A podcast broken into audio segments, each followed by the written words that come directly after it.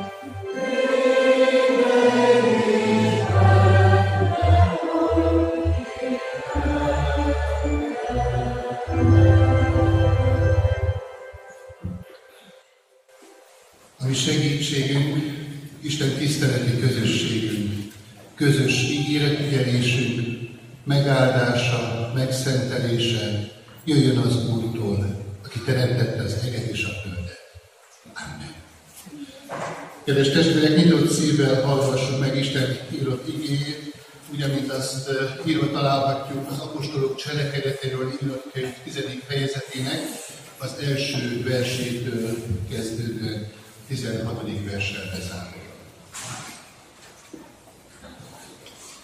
Élt Cézáreában egy Cornelius nevű férfi, az úgynevezett itáliai csapat zászlósa.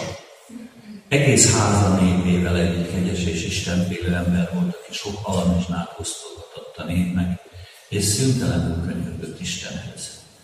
Ő egyik délután három óra tájban látomásban tisztán látta, hogy az Isten angyala bemegy hozzá és megszólítja. Cornelius, ő pedig rátekintett és megrémülve kérdezte, mi az Uram? Erre az angyal ezt mondta neki, imádságaid és halamizsnáid emlékeztet Isten elé. Most azért küldj embereket jobbéba, és hívasd magadhoz azt a Simont, akit Péternek is hívnak. Ő egy Simon nevű tímár vendége, akinek a háza tengerparton van. Miután az angyal, aki vele beszélt, eltűnt, előhívott két szolgált és egy istenfélő katonát, azok közül, akik állandóan mellette voltak. Ezeknek mindent elmondva elküldte őket jobbéba. Másnap, amíg úton voltak és a városhoz közeledtek, Péter déltában felment a ház tetejére imádkozni. Közben azonban megéhezett és enni kívánt. Amíg az ételt készítették, rémületbe esett. És látta, hogy az ég megnyílik, és leszáll valami nagy, lepedőhöz hasonló, amely négy sarkánál fogva ereszkedett le a földre. Benne volt ebben a föld mindenféle négy lábú és csúszó-mászó állata, és az ég mindenféle madara. Ekkor hang hallatszott. Kelj fel, Péter, öld és egyél. Péter azonban így szólt. Semmiképpen nem, uram, mert soha nem ettem semmi közönséges vagy tisztátalan. De másodszor is szólt hozzá a hang, amit az Isten megtisztított, azt, de nem mond tisztátalannak. Ez pedig három ízben is így történt, és azután az egész azonnal felemelkedett az égbe. Isten tegye mindannyiunk számára áldottál most van igé, lehessünk annak nekünk hallgatói, hanem megértői, szívünk elfogadói és megtartói is. Folytassuk, kedves testvérünk, testvérek Isten tiszteletünket, eh, megszokott módon gyermekpercek következnek mai alkalomhoz élően. Stefan Györgyőrnek kérem, hogy vezesse ezt a részletes Áldás békesség, és én is szeretettel köszöntök mindenkit, de kiemelten én is az anyukákat és a nagymamákat, és így önmagamat is persze, hiszen én is anyuka vagyok, anyák napja van, és így az anyukák és a nagymamák most különös figyelemmel vannak itt előttünk. Pontosan ezért nem én szeretnék most szerepelni, vagy itt bármit is mondani, hanem átadom a szót a legkisebbeknek, köztük két személynek, Marta Emiliát várom ide, és Artúrt, Holló Artúrt is várom ide. Jó, gyere Artúr nyugodtan, gyere, gyere nyugodtan.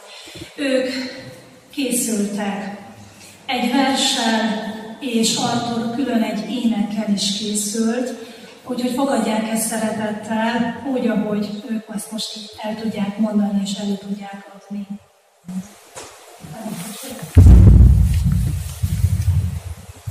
Három Ágnes anyák napjára. Ébreztem a napot, hogy ma szebb legyen, édesanyám felett aranykénye legyen. Ébreztem az egy Ébreztem a kertet, minden fának ágát, bontsa ki életed legszebbik életet. Ébreztem a nyugodt, s a vidám színegét, darolja mindegyik legújabb énekét. Ébreztem a szívem, forró pandalogjuk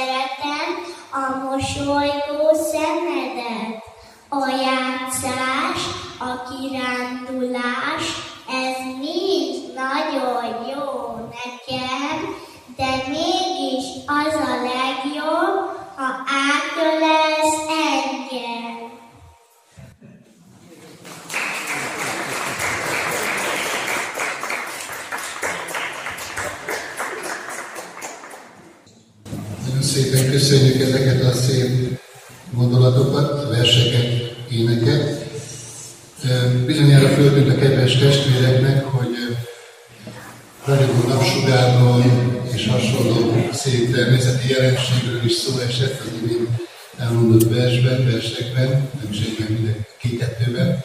És azért hagyjuk meg mindenkit, hogy nap az süt. Felhő fölött. Mi nem látjuk most, de ettől függetlenül ott van a napsugár, ott van az értető fény, ami, ezt a világot fizikai értelemben élhetővé teszi, és itt van Isten kegyelme és szeretete velünk és közöttünk, ami szintén olykor talán nem annyira érzékelhető, de mit sem változtat ez a körülmény azon a tényen, hogy Isten szeretetében égetjük minden napunkat. És ezen a mai napon ez a gondolat különösen is hangsúlyossá válik valóban, mert az édesanyákat köszöntjük nagy szeretettel, azzal a szeretettel, ami, ami az Istenre mutat. Mert az a szeretet, az, ami árad édesanyákon, nagymamákon keresztül pedig is. Vagy csak megfejtjük egy imádságban. Urunk Istenünk, köszönjük neked ezt a mai ünnepnapot. Köszönjük, Urunk, azt, hogy megemlékezhetünk azokról, akik szívünkhöz talán a legközelebb állnak, és úgy gondolhatunk rájuk akkor is, hogyha a távolság nagy, vagy talán már között, nem is közöttünk léteznek. Kérünk téged, Urunk, hogy mindezt a köszöntést, mindezt a, ezt a háladást, te jelenléted, a te szereteted határozza meg. Hiszen akkor, amikor szülői szeretetről van szó, vagy édesanyai szeretetről van szó, akkor az mindig belőle táplálkozik. És mit sem tudnánk ezekről a dolgokról akkor, hogyha nem tudnánk, nem ismernénk Te örökké való szeretetedet, ami akkor is átvagyogja a mi életünket, hogyha éppen borús napok következnek. De Urunk, kérünk Téged, hogy a Te igény is hadd csendüljön föl közöttünk. Mert a legnagyobb szeretet irántunk az, hogy szólsz hozzánk, hogy a Te ígéren keresztül megérthetjük a Te szerető szándékodat, azt az üzenetet, amelyet röviden, többen így szoktunk mondani, hogy az evangélium.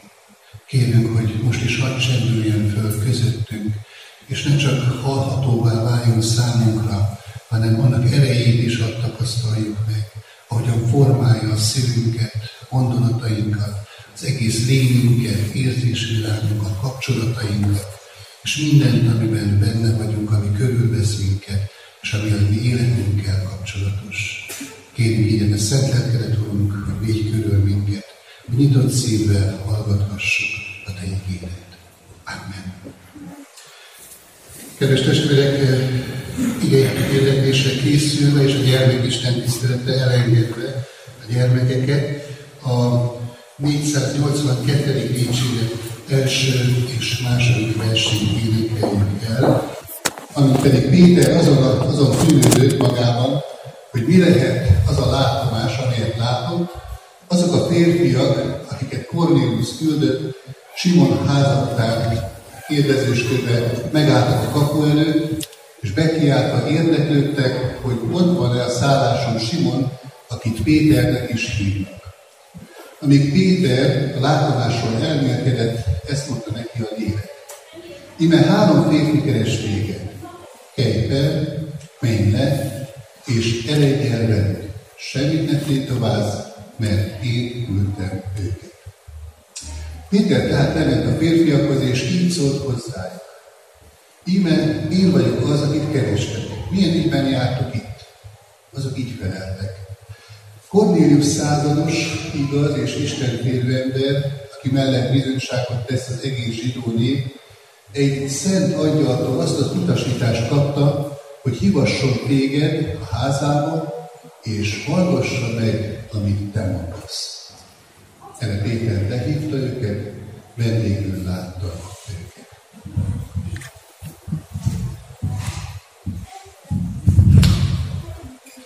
Kedves testvérek, az apostolok cselekedetéről írott könyvet tanulmányozunk az év kezdete óta, és nem tudom, hogy gondolkodtunk-e már azon, hogy vajon ennek a bibliai könyvnek a megnevezése mennyire pontos. Ugye így hangzik a könyv címe, az apostolok cselekedeteiről írott könyv. És én azt gondolom, hogy bizonyos mértékig talán, ha nem botránkoztatok meg ezzel a kifejezéssel senkit, mondhatnánk azt is, hogy félrevezető ez a megnevezése ennek a bibliai könyvnek. Mert sokkal inkább lényegre törő és talán helytálló is lenne azt a címet adni ennek a könyvnek, hogy a Szentlélek cselekedeteiről szóló könyv. Mert hogy azt látjuk, hogy a Szentlélek munkálkodik szüntelenül. És a Szentlélek munkálkodásáról szól, amely tanítványok szolgálatán keresztül valósul meg. A lényeg az az, hogy az örökkévaló Isten munkálkodik ebben a világban. Munkálkodik, mindig ő a kezdeményező, ő az, aki megszólít, elindít, útmutatást ad, bátorítást ad, arra van szükség, meghökkentő ötleteket ad, és ez a történet is, amit most hallottunk a mai alkalommal, akár a lekció, akár a textus felolvasásakor, pontosan ezt, ezt tárja elénk. Hogy Isten az ő lelke által kezdeményez valamit. És ezek nem ilyen hirtelen jött ötletek Isten részéről, hanem nagy örökkévaló tervek, az egyes részletei.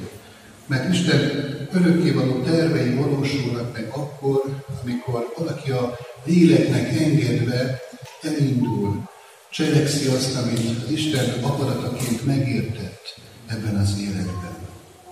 Mert itt nem emberi munkálkodásról van szó, nem emberi cselekvés sorozatról, hanem az Isten lelkének a munkájáról, aki embereket használ föl természetesen arra, hogy az ő tervei, az ő nagy és örökkévaló tervei megvalósuljanak.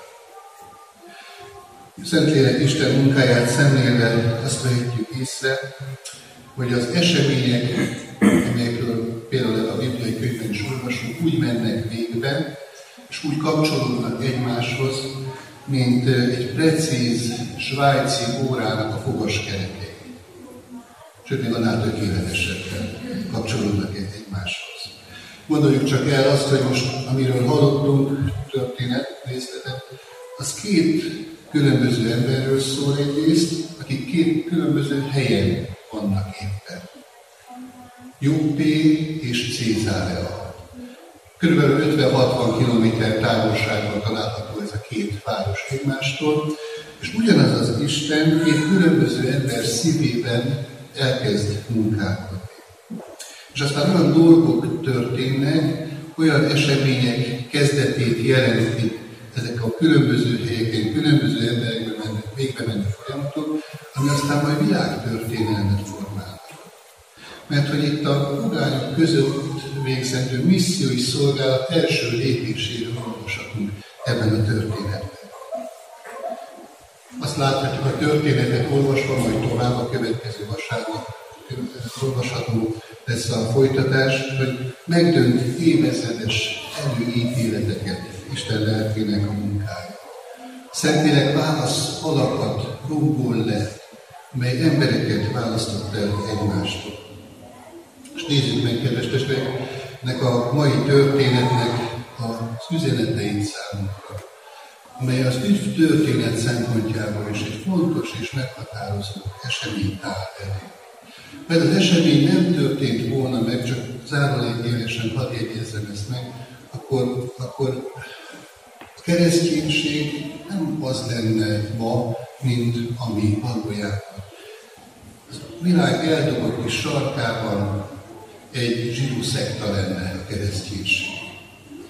De ugye jól tudjuk, megtapasztaljuk, itt vagyunk, hogy ez nem így történt, hanem Isten lelke, amikor embereket indított, és ők engedelmeskedtek, akkor olyan határra átlépések történtek, aminek az lett a következménye, hogy mi 2000 év múltával több ezer kilométer távolságban itt vagyunk, és azokról a nagy dolgokról beszélgethetünk, és az igényhirdetés is erről szólva, hogy Isten mi mindent végez el ebben a világban. Most tehát, kedves testvérek, ez a történet, amely ma eléggé került, mondhatom azt is, hogy három szereplős történet. Az egyik szereplőjéről már szóltam, ez a Szentlélek. A Szentlélek az, aki mozdít, indít, gondolatokat, látomásokat, álmokat ad, üzenetet ad az ember számára. És itt van még másik két szereplő is, akikről szintén szeretnék szólni. Egyrészt Cornéliusról, másrészt pedig Péter. És nézzük meg most kicsit közelebbről ennek a két embernek a reagálását arra, ahogy is, ahogyan Isten szent lelke munkálkodik az ő szívükben. Mit tesznek ők, és hogyan alakítják ilyenképpen tetteik révén a világtörténelmet. Az első személy, akiről tehát szót ejtünk, Cornelius. Hallottuk a felolvasott igeszakaszból, hogy római katonatiszt ő, századosi ranggal, ami igen magas előkelő tekintélyes rang volt abban a korban, és azt is megtudhatjuk róla, hogy ő Cézárában szolgál. Cézár elnevezés bizonyára ismerősen cseng a Cézár, császár szóhoz kapcsolódik, és tulajdonképpen a megszálló római hatalomnak ez volt a központja Judea tartományát, illetve nem Jeruzsálemben volt, hanem, hanem Cézárjában.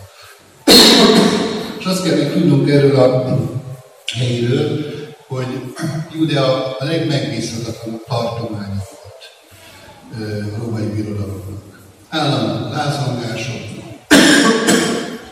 forradalmak, zélótáknak a, a partizán akcióiról volt jellemző ez a vidék, és ebben a megbízhatatlan helyzetben egy megbízható katonára volt szükség. És ez pedig Cornelius volt. Ugyanakkor Corneliusról azt is tudhatjuk, hogy egy befutott ember. Rangjából következett ez, tudhatjuk, és nyugodtan lehetett volna önelégült is ebben a helyzetben, de a, igen, nagyon világosan, nagyon szép bizonyságot tesz erről az emberről, sőt azt is mondhatjuk, hogy nagyon kevés emberről mond a Szentírás. Ennyi jó dolgot el, mint Cornéliusról. Egyrészt megtudjuk azt, hogy kegyes és istenfélő ember volt Cornélius. Nem ismerjük a részleteit annak, hogy hogyan ment végbe az életében az, hogy ő, aki nyilvánvalóan fogányként született, elfordul fogány istenektől, és megtalálja az élő Istent. De, de egyértelműen erről tesz bizonyságot a Szentírás, hogy egy kegyes és Istenfélő ö, ember volt Cornélius. Ez nagyon nagy dolog volt.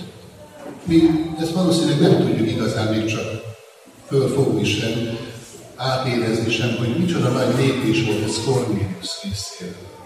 Hogy ő, aki a megszálló világbirodalom képviselője volt Cézárában, a császár városában, Júra provinciájában, ő a leigázott nép Istenébe vetette a hitét.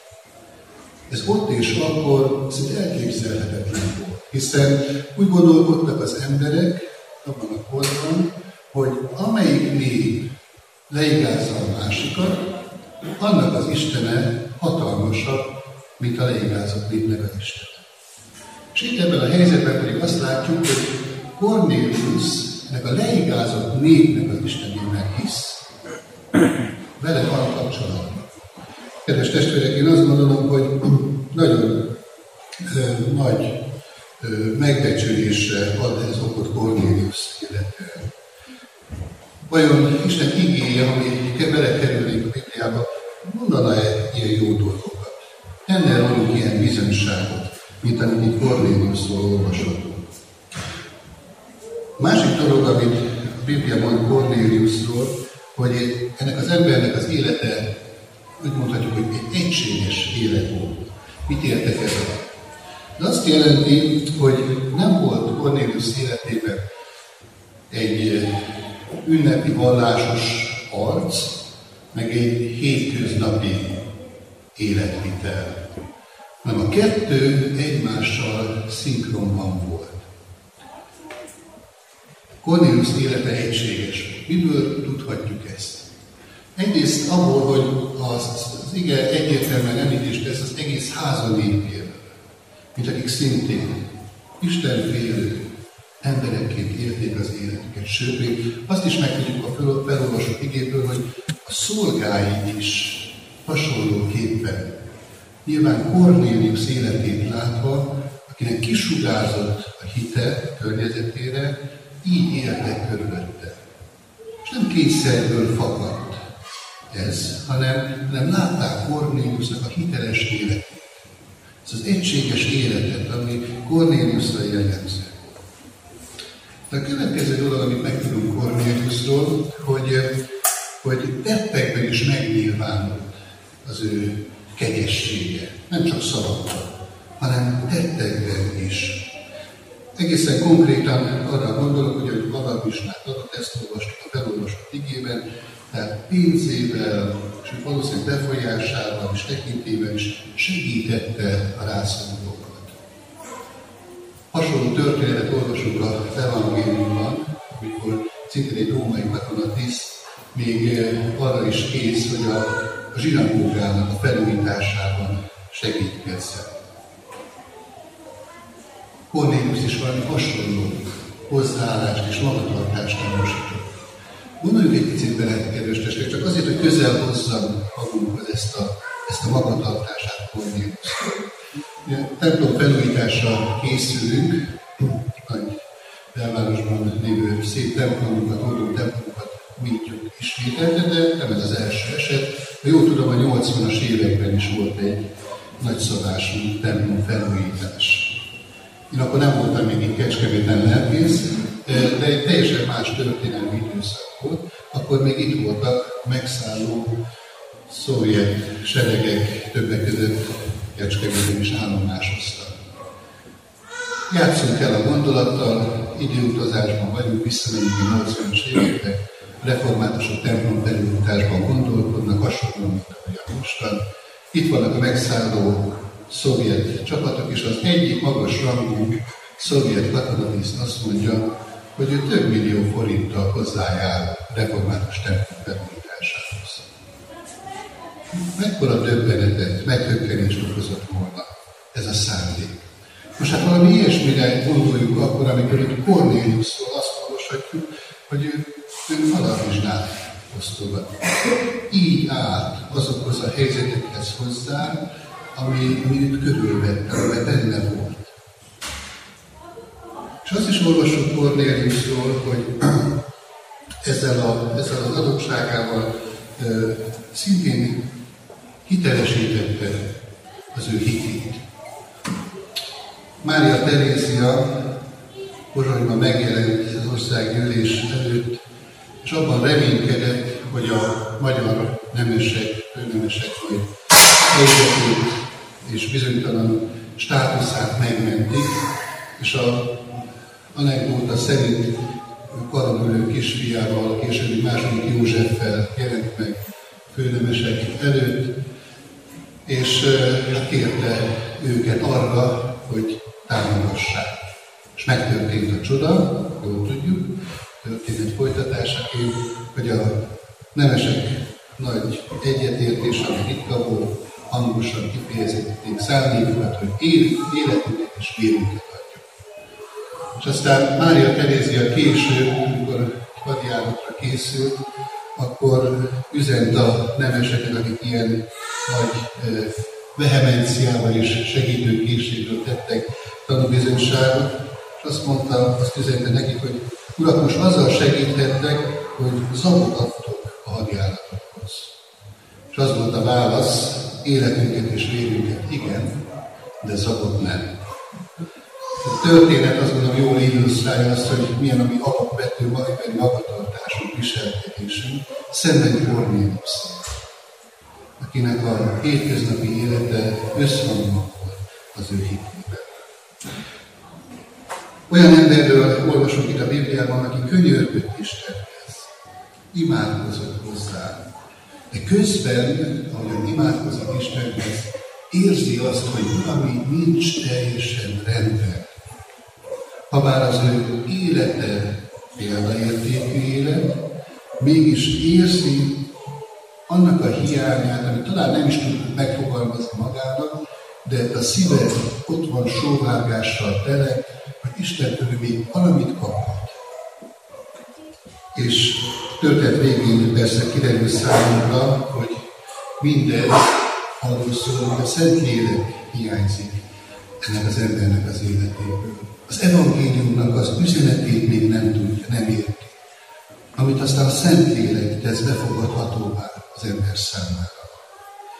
Egy olyan emberről olvasunk, akinek az élete teljessé lesz a lélek ajándéka által. Csak jót mond róla a Biblia. Kedves testvérek, kicsit gondoljunk bele abba, hogy mi életünkről elmondható benne ennyi jó. És kérdezem ezt magamtól, aki úgy gondolok, gondolkodom az én dolgaimról, hogy bizonyára sok mindent jobban csinálok, mint más. De mégis azt kell, hogy mondjam, hogy, hogy ha nincs bennünk az a sóvárgás, ami Cornélius szívében ott volt, akkor, akkor hiába való, akár ami jó, vagy akár még példaértékűnek is mondható életünk. Az Isten szemében ez kevés. Ami jó tetteink, ami jó adottságaink, ami jó lelkületünk, ezek kevesek az élő Isten szín mert ő valami ennél többet akar a mi életünkben. Cornélius nem volt cégéres gonosztevő, nem volt egy elvetemült bűnöző, jó ember volt. Ezt bátran és határozottan kimondhatjuk. De nem volt ennek az embernek üdbizonyossága. Nem volt meggyőződve arról, hogy, teljesen rendben van az Isten előtt az élete. Ha bár mindent megtett, és azért soroltam ilyen hosszasan az imént föl azokat a dolgokat, ami jellemeztek a Cornéliusnak az életét, hogy érzékeljük azt, hogy mindent megtett, mégis arra kell rádöbbenni a Cornéliusnak, hogy ez kevés az Isten előtt. Mert az Isten előtt megállni nem ezek miatt tudunk és lehetséges, hanem azért, mert megismerjük az evangéliumot, elfogadtuk az őszinte szívvel, és ezáltal Isten ajándékba adja nekünk azt, amire sok És ez pedig a Szentlélek által történik meg, és valósul meg az ember életében. Kedves testvérek, ez a mai Isten tiszteleten én hadd, hadd hangsúlyozzam ezt ki nagyon. Hogy lehet, hogy úgy vagyunk itt, hogy, hogy magunk életét, ha vizsgáljuk, persze tudjuk, hogy sok hiányosságunk van.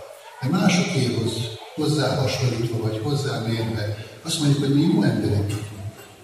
Itt vagyunk az Isten tiszteleten, megemlékezünk az édesanyákról, és sok szép és nemes gesztus teszünk, komoly áldozatokat vállalunk, akár a templom felújítás kapcsán, akár a missziói ügyében itt Széchenyi városban, de hadd mondjam azt nagyon határozottan, a Szentlélek indítására, indítatására, hogy ez önmagában még kevés.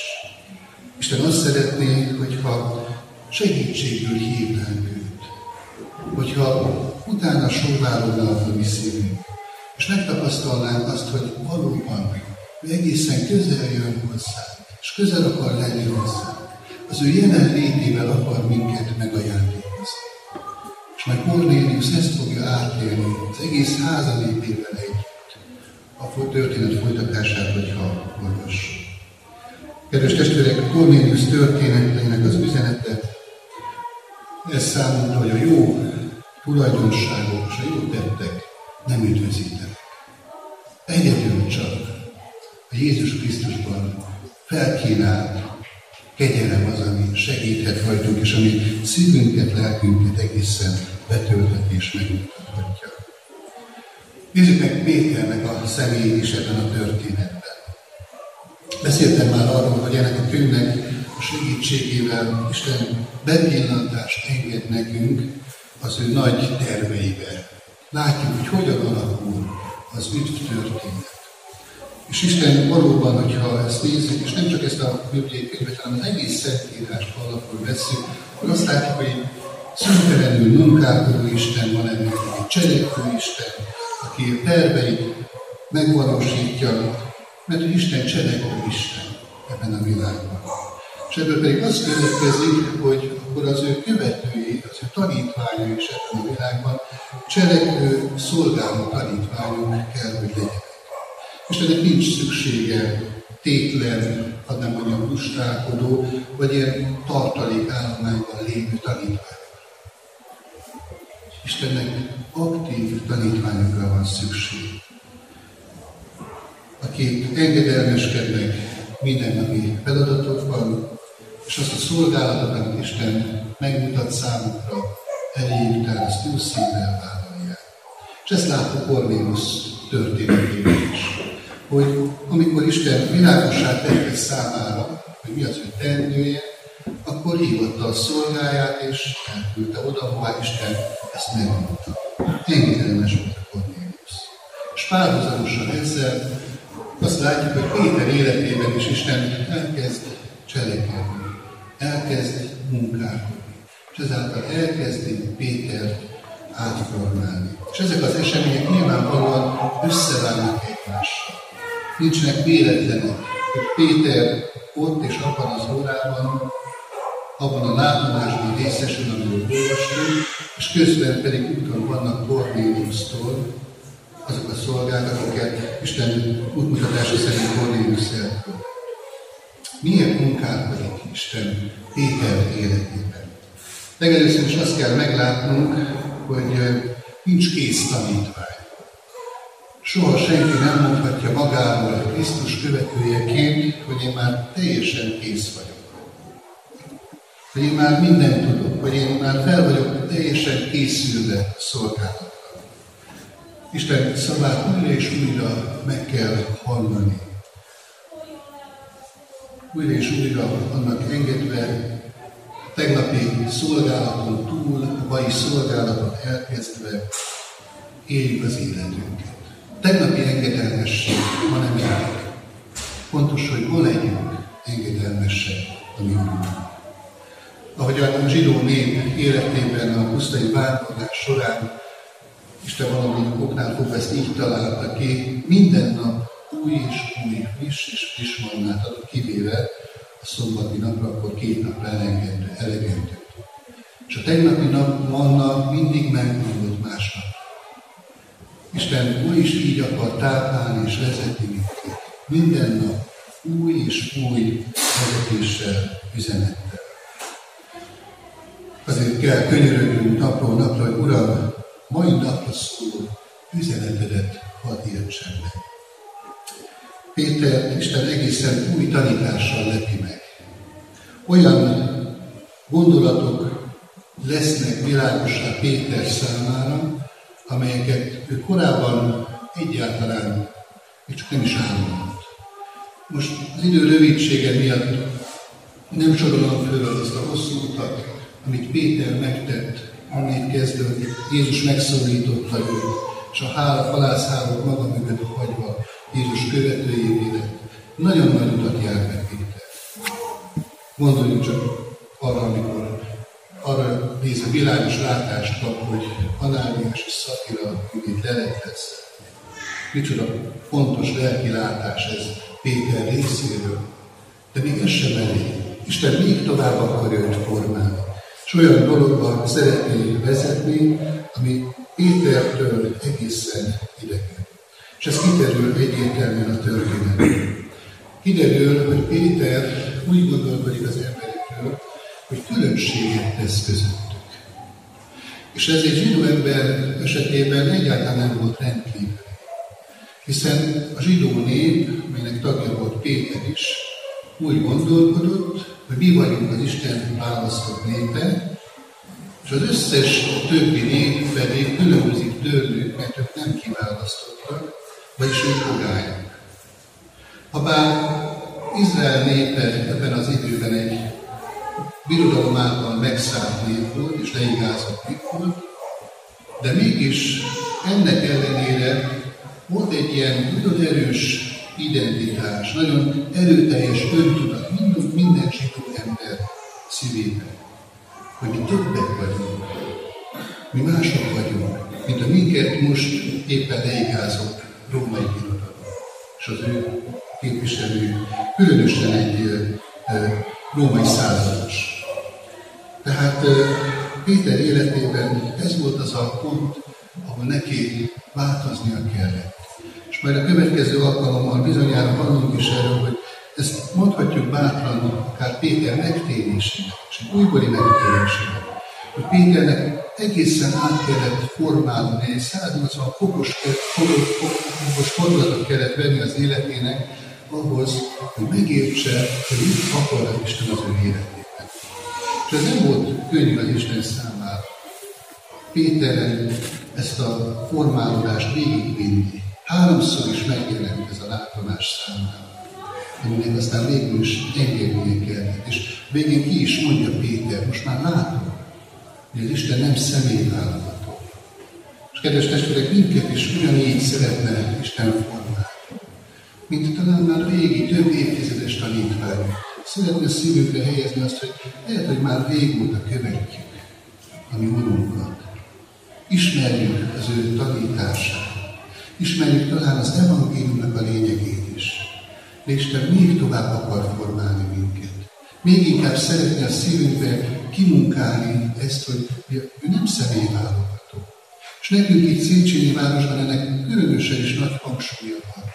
Hiszen úgy jöttünk ide, erre a helyre, és úgy vagyunk itt ebben a város részben, hogy mi szeretnénk egy olyan missziós szolgálatot kibontakoztatni, ami kimondottan a panelben élő emberek számára lesz a üzenet. És ez nem könnyű szolgálati terület. Ez sokat kell formálnunk, és én látom is azt, hogy Isten már formált minket ebben. De ettől függetlenül is én azt gondolom, hogy ez a formálódás folyamatosan szükséges a mi életünkben.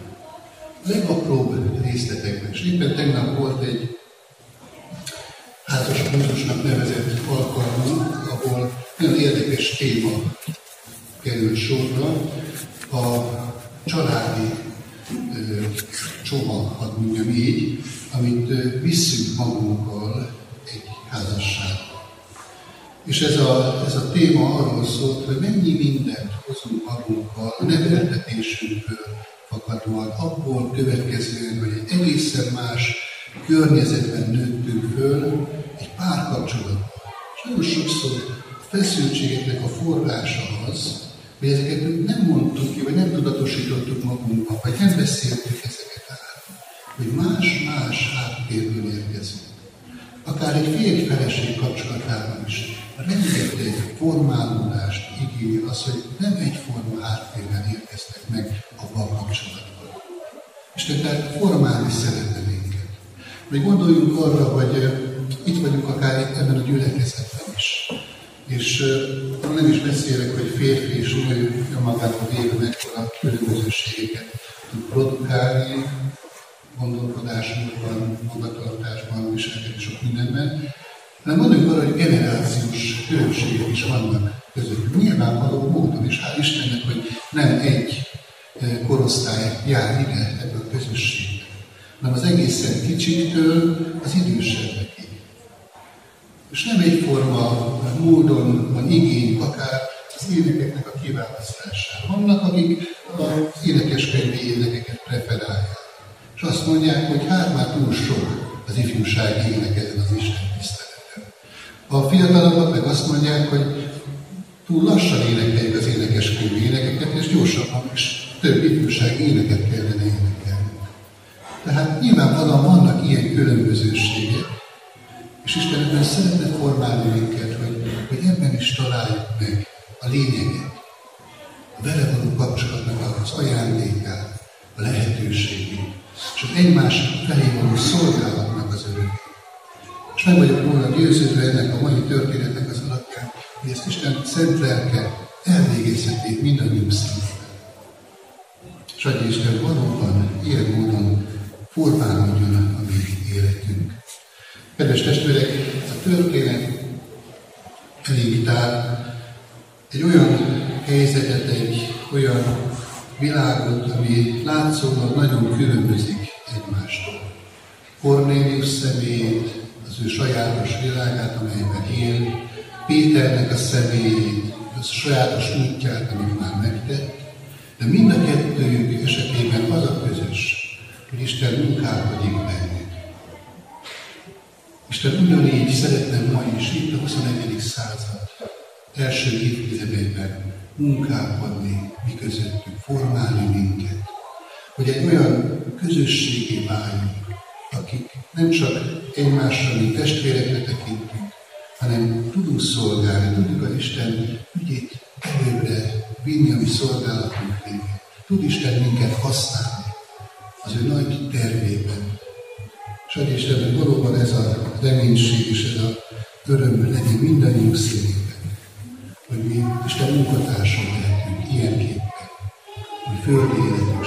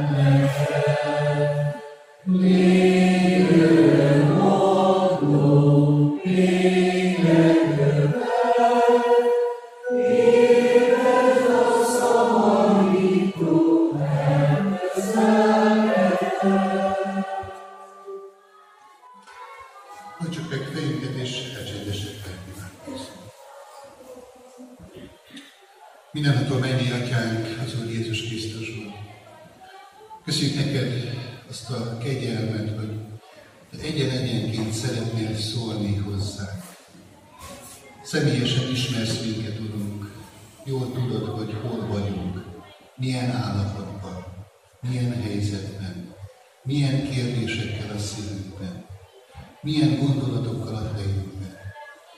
És te, Urunk, mindezt jól látván, tudván, megszólítasz minket azért, hogy formálj, azért, hogy alakíts, azért, hogy a te terveinkbe beemelj minket.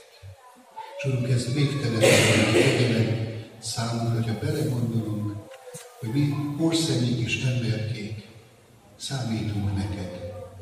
Számolsz velünk, tervedben vagyunk, szolgálatot bízol ránk. És az a kérdés, hogy mi mindezekhez hogy hogyan viszonyulunk, hogyan reagálunk arra a szándékodra, hogy neked komoly terveid vannak a mi életünkben, hogy te ne akarsz minket vonni a szolgálatodba.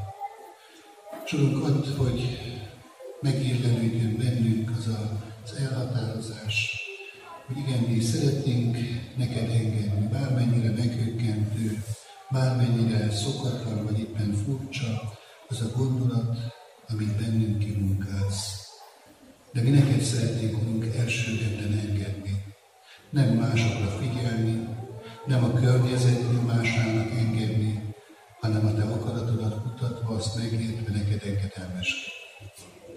És Urunk, hogyha mindez megtörtént a mi életünkben, akkor olyan jó megtapasztalni azt, hogy te nem látott dolgokat formálsz, nem csak bennünk, hanem általunk is.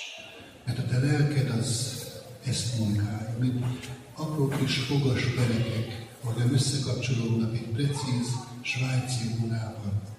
Ugyanúgy a mi életünk is egymáshoz kapcsolódhat a te nagy tervedben, és egymáshoz segítve, egymást támogatva, egymást bátorítva, egymást vigasztalva, lehetünk részesei annak a csodának, amit te elterveztél velünk, egyen-egyenként személyesen, és együtt közösen, mint közösséggel, mint gyülekezettel, itt ebben a városrészben is.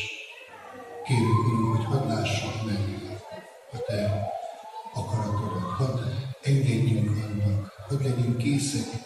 engedelmeskedni mindannak, amit a szívünkre helyezett. Ez a történet ebben szeretnél formálni minket. Előttünk van két példa, Kornélius és Péter történet, akiken keresztül láthatjuk a Te munkálkodásodnak módszerét, és majd láthatjuk annak gyümölcsét, eredményét is. Hiszük, Urunk, hogy a mi munkánkat, életünket, szolgálatunkat is meg akarod áldani, gyümölcsözővé akarod tenni. Könyörülj meg rajtunk, Urunk, milyenek mi ne legyünk akadályaimmal. Kérünk téged, Urunk, ezen az Isten tiszteleten betegekért, az elesettekért, a gyengékért, és különösképpen is a gyászolókért. Légy velük, Urunk, és te légy az ő erőforrásuk, te légy az ő vigasztaló, reménység. De könyörgünk, Urunk, azokért is, akik élettel telve napi munkák terhének hordozói lehetnek, akár családfenntartóként, akár egyedülállóként. Te őrizd meg őket, Urunk, ebben a helyzetükben, hogy neked adjanak hálát mindazokért az ajándékokért, amelynek naponként részesek. Ezen a mai Isten tiszteleten, Urunk, külön hadd könyörögjünk az édesanyákért, nagybabákért, dédbabákért, hogy őrizd meg őket a Te mutatón, Te kegyelmedben, és áld meg őket gazdagon, Te fiadért, Jézus Krisztusért. Amen. Együtt közösen az útról tanult imádságot mondjuk el. Mi atyánk, aki a mennyekben vagy, szenteltessék meg a neved, jöjjön el a te országod, legyen meg a te akaratod, amint a mennyben, úgy a földön is. Minden napi kenyerünket add meg nékünk ma, és bocsáss meg védkeinket, miképpen mi is megbocsátunk az ellenünk kérdezőknek. És ne vagy minket kísértésbe, de szabadíts meg a mert Téd az ország, hatalom és a dicsőség mindörökké. Amen. Az Istennek békessége, amely minden értelmet felülhalad, őrizze meg szívünket, gondolatainkat, az Úr Jézus Krisztus. Foglaljunk helyet, kedves testvérek, és hallgassuk meg a hirdetéseket.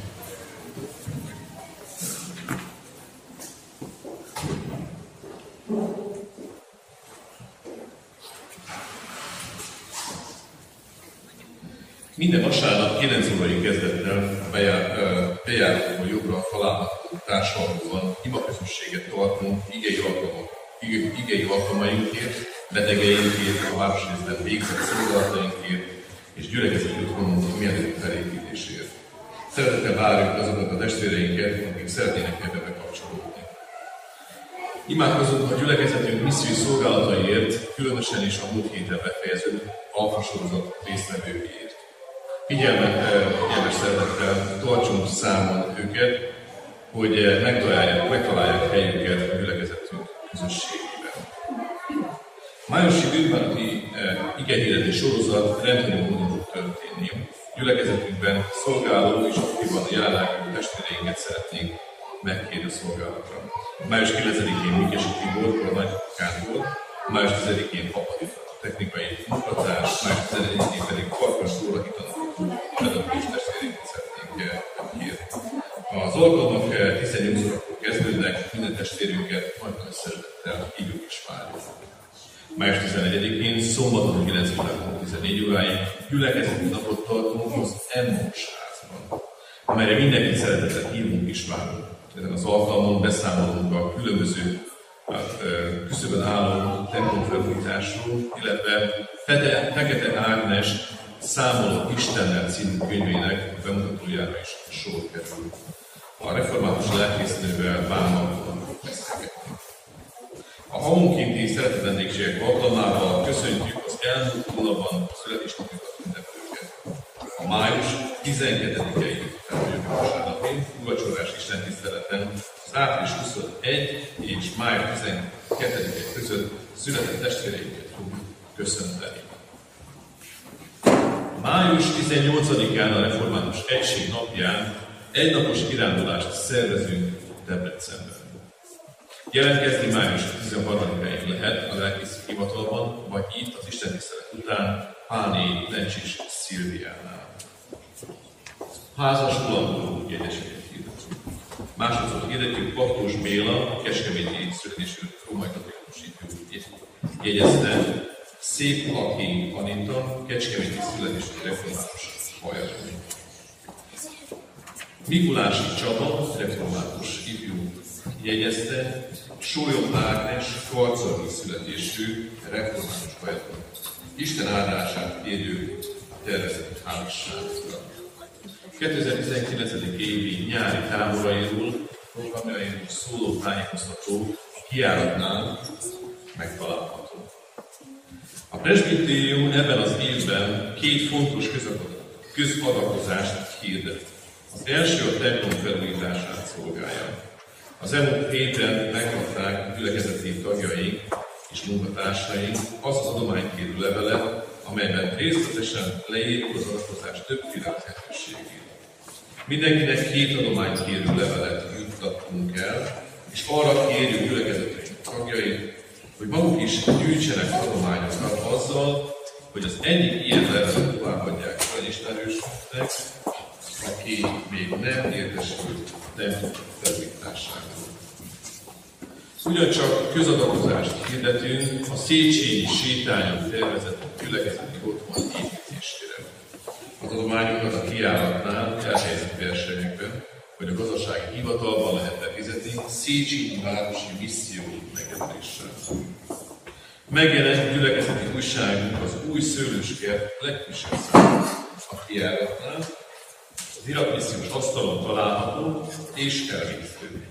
Amennyiben lehetőségünk engedi, az újság mellé kihelyezett térségekben helyezhetik el támogatásainkat a megjelenéshez. Adományok érkeztek április 25 30-ig összesen 809.925 forint. A kiáratnál úgy szintén a Széchenyi Városi Közösségünk és alkalmaira hívogató szórólapot találhatunk.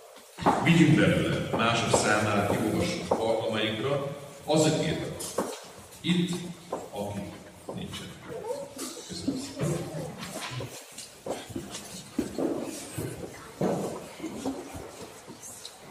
Köszönjük szépen a hirdetéseket, és folytatjuk az édesanyák köszöntését, ez a mai Isten tiszteleten, és nem csak a gyerekek készültek, köszöntő szolgálattal, nem kérném szépen Rozáriát is, hogy jöjjön is az első konferációra, utána a gyerekek éneke következik.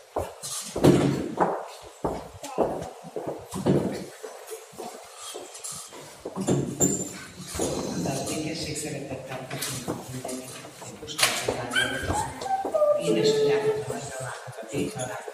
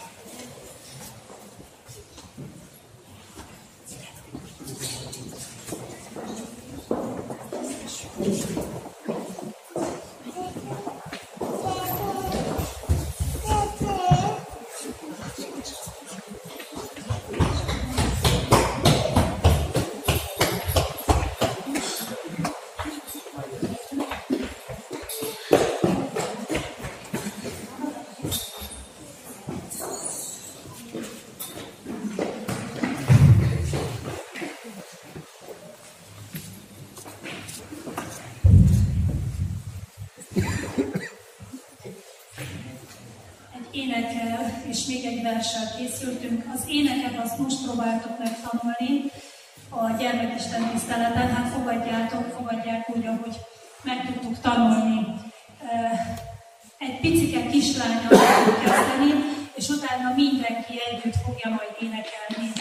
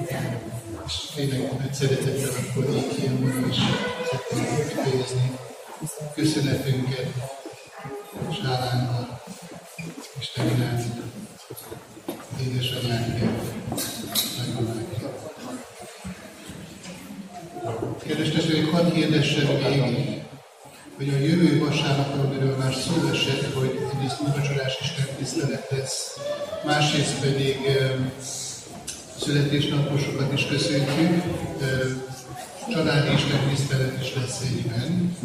Tehát Nagy Henrietta lesz az, aki majd az igényeket és szolgálatát végzi. Hívogassunk majd erre a következő vasárnapi Isten tiszteletre, és legyünk így együtt minél teljesebb létszámban. Most elég sokan hiányoznak, mert a nem a 9 órakor kezdődő tiszteleten a óvodások adnak anyáknapi szolgálatot, és többen is a mi gyülekezeti közösségünkből érintettség okán ott vannak. De nagyon örülök annak, hogy vannak olyanok itt, akik még ez ideig nem voltak. Nagy szeretettel köszöntünk mindenkit, hiányokat, felnőtteket, családokat, kisbabákat, anyukákat, apukákat, nagymamákat, leendőszülőket, kismamákat is így van. Nagy szeretettel köszöntünk, és várjuk szeretettel vissza mindazokat, akik most itt vannak, és hívogassunk másokat is, hogy már ez elhangzott. Kedves testvérek, a mai Isten tiszteletünknek a záró énekét énekeljük el, amely a megkezdett 397. dicséret három utolsó verse. A harmadik verstől kezdve énekeljük tovább. Az éneket mond minden névnek elviszett imáit, mit tett a pásztor csupa szerelem. Így kezdjük.